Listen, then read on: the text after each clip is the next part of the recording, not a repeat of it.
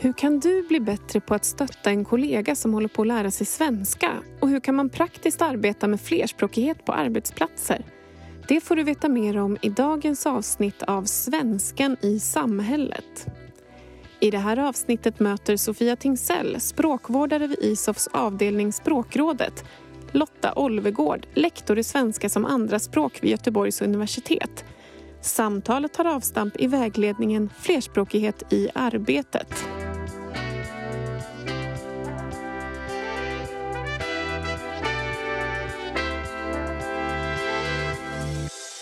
Hej, Lotta Olvegård. Hej.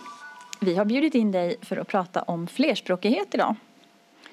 Sverige är ju flerspråkigt på många sätt. Ungefär 25 procent av de som bor i Sverige är första eller andra generationens invandrade och har förmodligen svenska som sitt andra språk eller ett av sina första språk. Eh, och det gör också att alla arbetsplatser och skolor och andra platser då förstås är flerspråkiga i sig. Så Lotta, du som har inventerat det här. Vad kan man som svensktalande, om man har svenska med sig från start eller om man har lärt sig det senare, vad kan man göra för att det ska gå lättare för en andraspråkstalare av svenska att, att fungera och utveckla sin svenska på en arbetsplats? Ja, det finns en hel del man kan göra. För det första skulle jag säga att det är viktigt att inkludera personen eh, och skapa förutsättningar till till samtal och där, där du kan utveckla din svenska. Eh, skapa, och där man kan känna sig trygg för att, för att liksom pröva sin svenska tillsammans med, med, med andra. Eh, och en, en viktig sak är också att verkligen lyssna. Ge, ge tid för din kollega din, som, som kanske talar svenska som, som andraspråk att, att formulera sig och att inte avbryta utan, utan vänta ut. Och är det så att man märker att kollegan söker något ord så kan man kanske sticka in med det ordet om det är så. Det kan man ju också prata med, med sin kollega om. att hur, Vilken typ av stöttning, vilken typ av hjälp vill du ha från mig? Eh. Så man kan helt enkelt bestämma då att, att eh, är det okej okay om jag rättar dig om du eller kan jag, kan jag föreslå ord eller hur vill du ha det? Kan man ta upp ett sådant samtal? Ja, det tycker jag. Kanske inte det första man gör utan man kan ju först lära känna kollegan så men sen när man, när, när man märker att man har en, en, en, bra kontakt så är det väldigt bra tror jag att ställa de frågorna för att det är så olika. En del vill ju ha mer hjälp än, än, än andra. Det vet vi själva när vi talar andra språk. En del liksom skäms lite för sin svenska och andra tycker inte att det är, det är så noga utan pratar på. Så det, det är ju väldigt individuellt.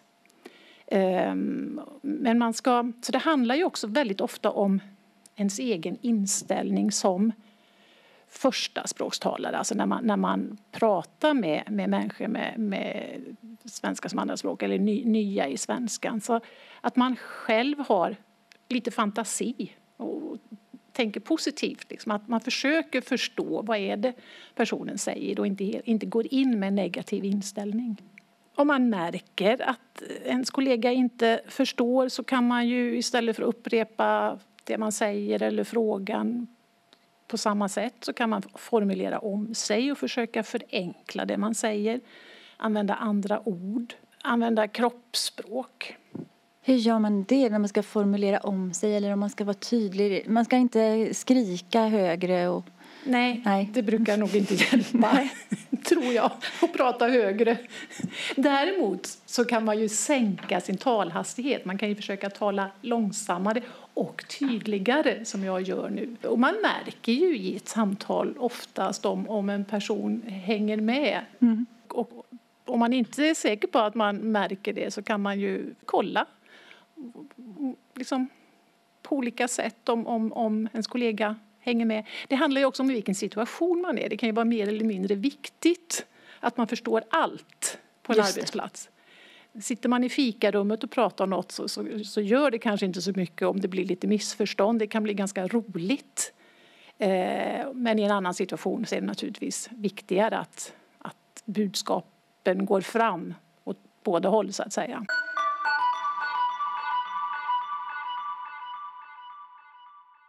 Du nämnde innan Lotta att man ska inkludera sin nya kollega. Mm. Och det vill vi ju eh, för det mesta alltid göra. Men finns, tänker du på något särskilt?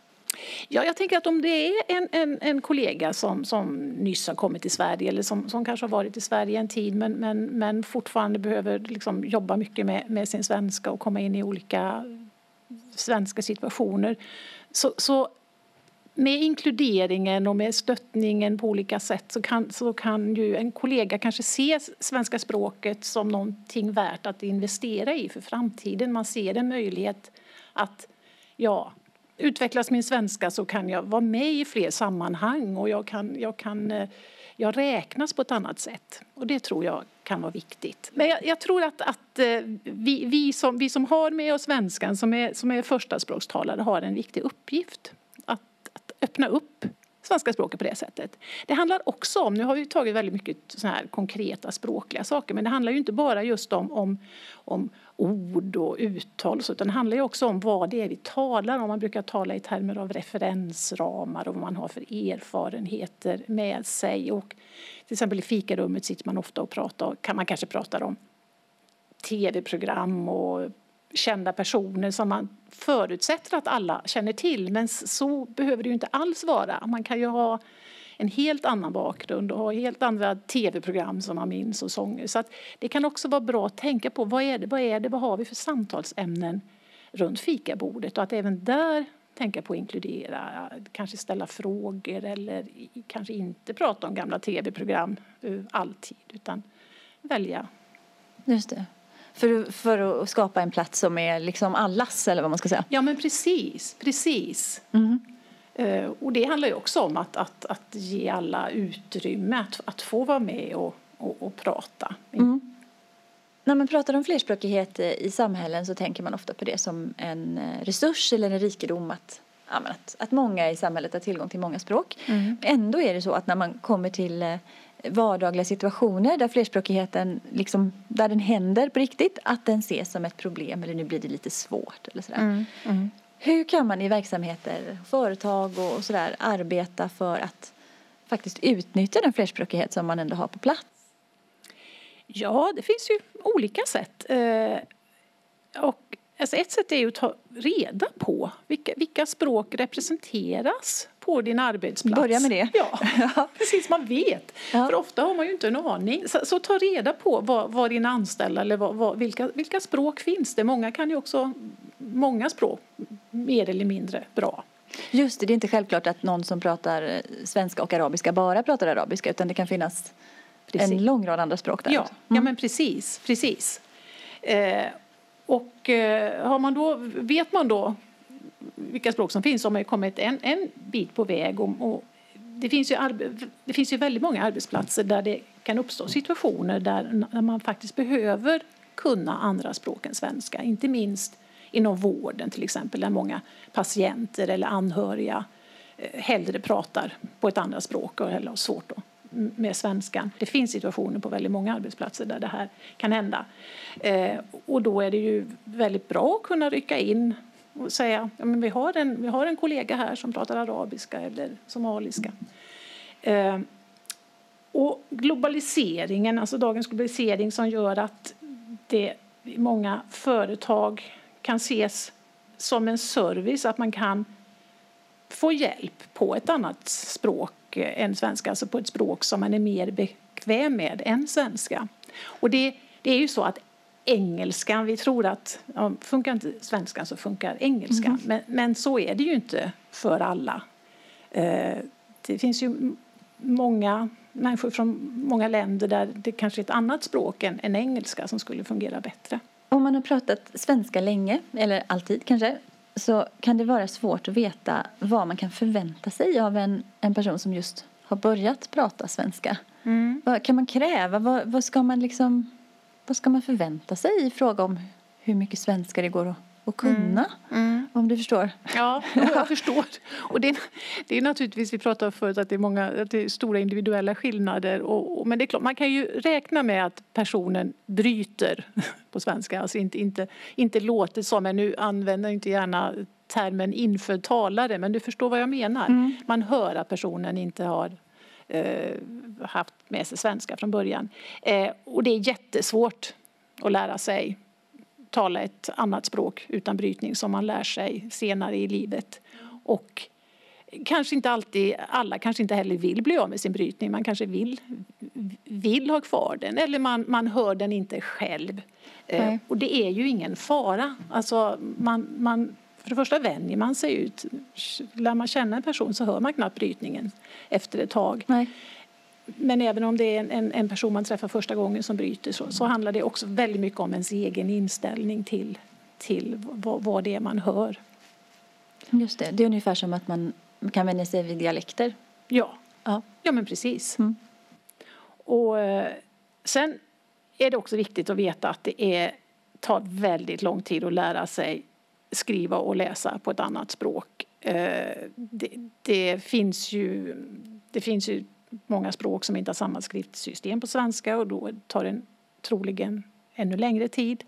Eh, men och man kan ju lära sig skriva och läsa lättare texter ganska fort men, men eh, på många arbetsplatser så har man ju det ska ju dokumenteras olika saker och man ska skriva olika typer av texter.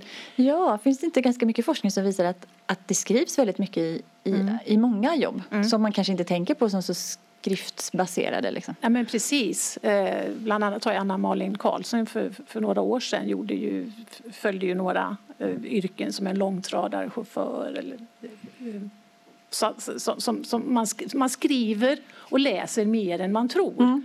Eh, och det finns ju väldigt få sådana här enkla jobb som man också pratar om som, som man inte behöver så mycket utbildning för. Utan det är ju så, man läser och skriver mm. på arbetsplatser i Sverige och, och oftast ska det vara på svenska.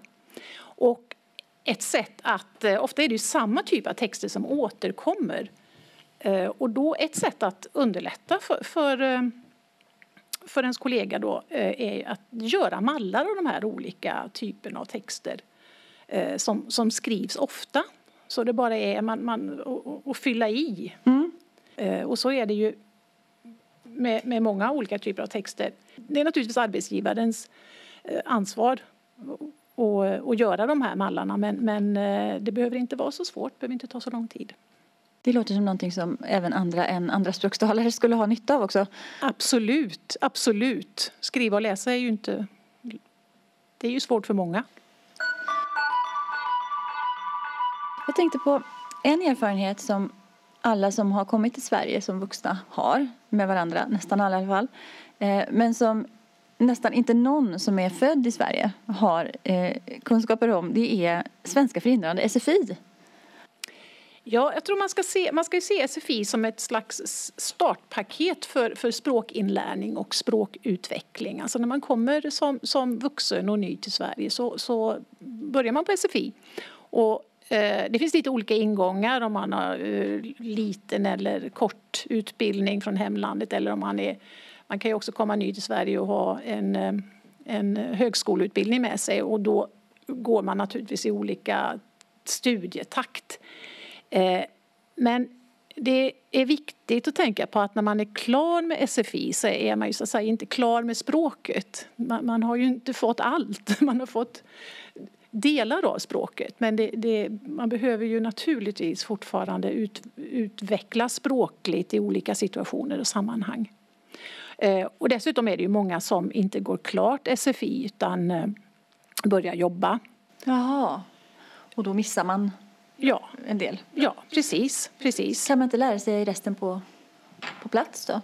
Ja, det är ju inte så lätt. Nej. Det, det, det, kan man naturligtvis göra på vissa arbetsplatser där det verkligen finns och det finns språkhandledare och språkstöttare och där, du verkligen, där man är mån om att, att ens mm. anställda ska utvecklas språkligt. Men så är det ju inte på de flesta arbetsplatser idag utan du, du slängs in i, i arbetet och på många arbetsplatser, om du inte har eh, hög utbildning eller mycket utbildning och kanske fortfarande behöver utveckla din svenska så får du ofta inte de jobben där du där du liksom tränar din svenska på det nej, sättet. Nej, då möter man inte ens kanske så mycket svenska. Nej, precis. Nej. precis.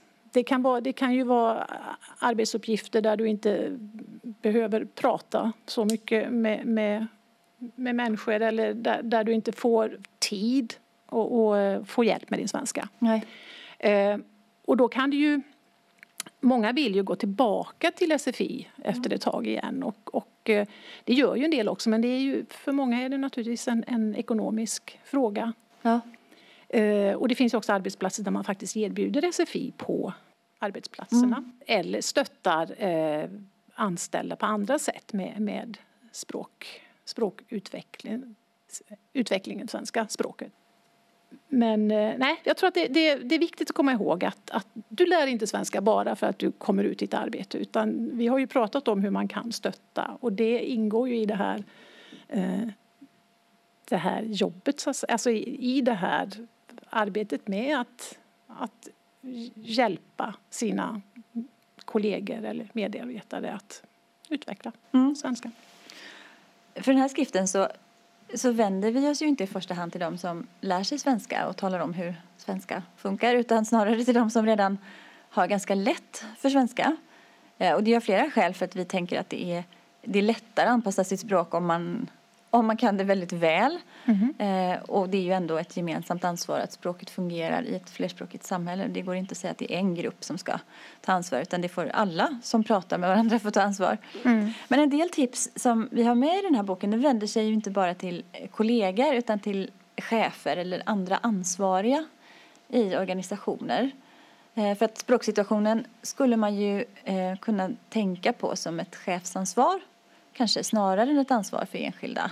Eh, vad kan en chef göra, den som, som styr verksamheten eller leder det dagliga arbetet, vad kan den göra för att, för att hjälpa till?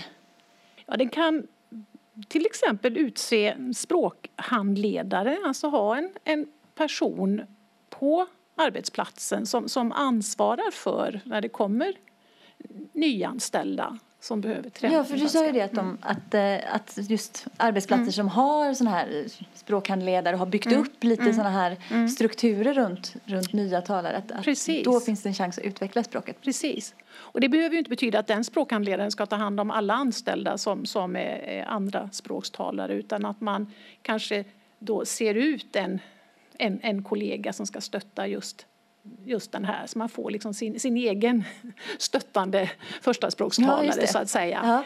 Ehm, Många, många ju- hittar nog en sån, på, man kan ju hitta en sån på egen hand men det är ju, när du kommer ny till en arbetsplats är det så mycket annat som är nytt och då kan det ju vara en trygghet att veta att ja, men här har jag en person som jag kan vända mig till och ställa frågor till. Ja, för det kan kännas jobbigt, tänker jag själv när jag har, varit andraspråkstalare, det här med att man känner att man måste störa någon hela tiden. Och det Mm, säger väl också en del personer i den här Absolut. skriften absolut. och berättar om det. Just, ja men precis, att man, man vill inte störa, man vill inte ta tid och ställa frågor på möten eller be folk upprepa. Eh, och då är det ju jättebra att ha en, en annan trygg person som man kan be om hjälp med det, så Ja, man vet det. att man inte stör. Absolut. Eh, så det blir ju någon slags, det handlar liksom om att bygga en infrastruktur för, för det här med, med språkutveckling på arbetsplatsen. Eh, man kan ju ha en eh, en mer formell språkpolicy. Det finns ju de arbetsplatser som har det. Vad, vad, vad använder vi för språk här och när använder vi? Eh, hur kommunicerar vi med varandra? Erbjuda utbildning eller fortbildning på, på svenska Ja, eller andra språk. Det kan ju också vara så att man behöver utbildas i till exempel engelska om det är koncernspråket ja. eller något annat språk. Så att, eh, det, det handlar ju inte bara om just svenska språket utan det handlar ju om den här som, som vi pratar om hela tiden, om, om flerspråkigheten och olika flerspråkighet som en resurs. Oftast är det ju svenskan då, eh, men som sagt det kan ju vara andra språk. Just det. Språkforskare brukar också prata om det som vi kallar för så språkliga praktiker. Alltså att man kanske man kan göra språkliga grejer i en viss situation.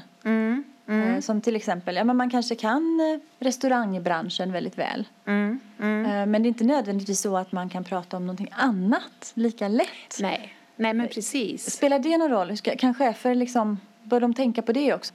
Ja, du tänker på när man till exempel anställer Ja, det är ju en en sån situation Ja. som är speciell. Ja, att man då tänker på, ja dels att se det här, alltså att, att se, om, om personen då kan många språk, att se det som en resurs i, an, i anställning och inte, inte bara se att den här personen kanske inte pratar perfekt svenska i intervjusituation utan en, en person som inte pratar, pratar perfekt svenska pratar ju då alltid ett eller flera andra språk perfekt. Ja, så är det ju alltid. Mm. Det finns ju ingen som inte pratar något. Nej, Nej. precis. Nej.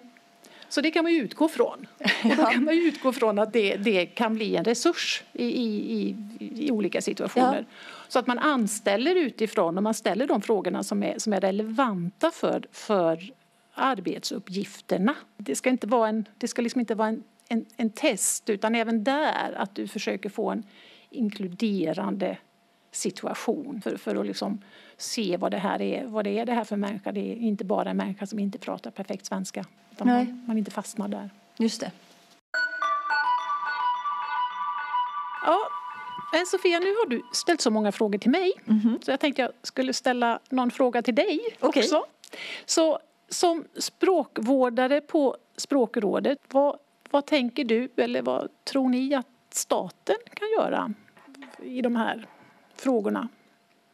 Um, ja, vi tänker nog så här att, att um, om man tittar på forskningen så pekar den ju mycket på att, att samhället genom sina krav är med och skapar en del svårigheter för den som är ny talare mm. av svenska. Mm. Att, um, ja, men bara en sån sak som att man uppmuntrar till jobb och, och, jag tror att vi alla tänker att det är jättebra för en, en, en ganska nyanländ person att, att, få ett jobb för då kommer man in i samhället och så. Men, men precis som, som du berättade om innan så är det så att att många som, som tar ett jobb och avbryter SFI kanske för det och så eh, känner att, att, att där ungefär tar svenskutvecklingen slut. Man får ofta jobb kanske på, på lager eller så som inte är särskilt, det finns inte så mycket samtal mm, helt enkelt. Mm, och, så. Mm. och då kan man inte utveckla sin svenska vidare och därför får man kanske inte heller möjligheter att ta arbeten som som skulle kunna omfatta mer kommunikation. Man kan liksom inte kanske gå vidare i företaget eller så för då, då saknar man plötsligt en kompetens som hade behövts på ett, på ett annat ställe på jobbet som vi kanske inte tänker på. För vi kan ju tycka att det är jättebra att jobba sig upp från lagret. Det mm. tror jag vi många tänker att det är ett bra sätt. Men det är ju, om man inte har svenska med sig så kommer det,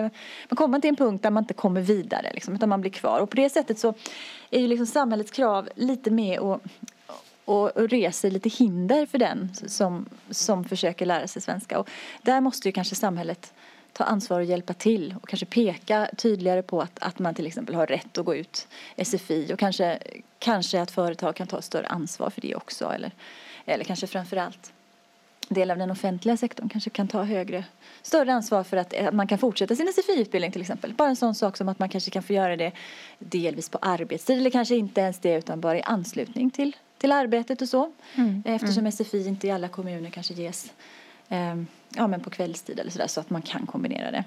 Mm. Sen är det också så att, att samhället ställer eh, hela tiden ökade krav på invandrade personers språkkunskaper.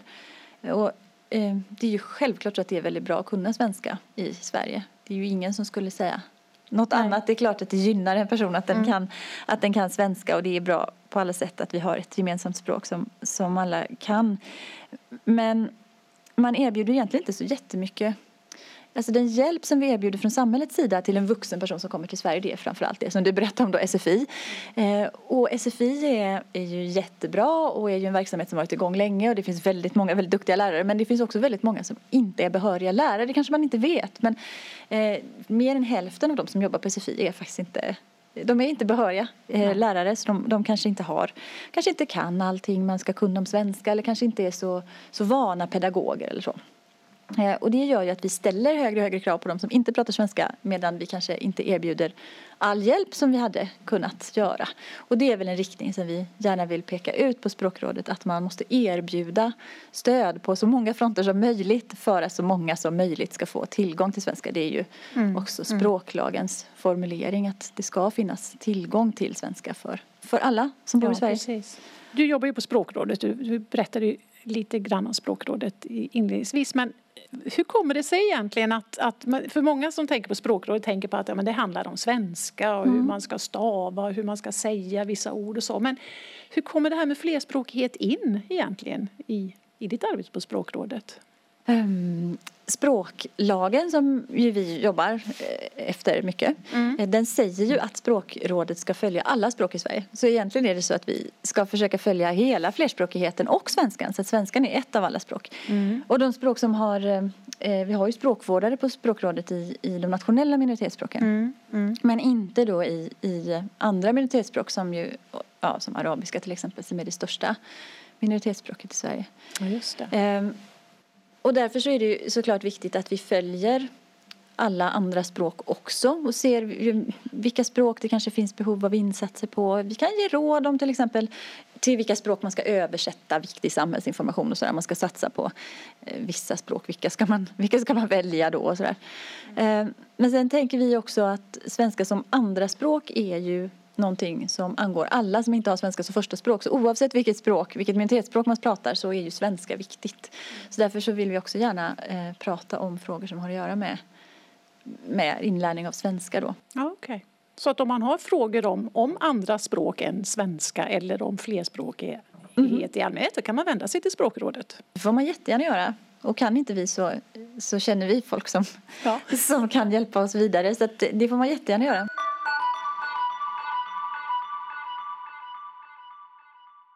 Frågelådan. Vad ska man säga? Tyskspråklig eller tyskspråkig? Ja, det beror faktiskt på vad man menar. För efterleden språklig och språkig betyder inte riktigt samma sak. När det gäller efterledet språklig så uttrycker det på vilket sätt något framförs eller hur något är beskaffat i fråga om språk. Till exempel talspråklig och skriftspråklig. Man kan till exempel säga hennes skriftspråkliga kompetens är hög. Det finns också motsvarande sammansättningar utan ändelsen ligg, alltså talspråk och skriftspråk. Och dessutom använder vi språklig som självständigt beskrivande ord, alltså som ett adjektiv, till exempel ett språkligt dilemma. När det gäller efterledet språkig så uttrycker det det eller de enskilda språk som något framförs på eller som någon uttrycker sig på. Exempelvis tyskspråkig, tvåspråkig, flerspråkig. Någon motsvarande sammansättning utan ändelsen ig finns inte, till exempel tyskspråk eller tvåspråk. Och språkig finns inte heller som självständigt beskrivande ord i svenskan, likt språklig. Det är inte alltid enkelt att välja efterled men i valet mellan tyskspråklig och tyskspråkig så passar tyskspråkig bäst. Du har lyssnat på Svenskan i samhället, en podd om svenska från ISOFs avdelning Språkrådet. Du kan läsa mer om flerspråkighet på arbetsplatser och få en bild av hur språkinlärning går till i vägledningen Flerspråkighet i arbetet. Den går att läsa i sin helhet på isof.se.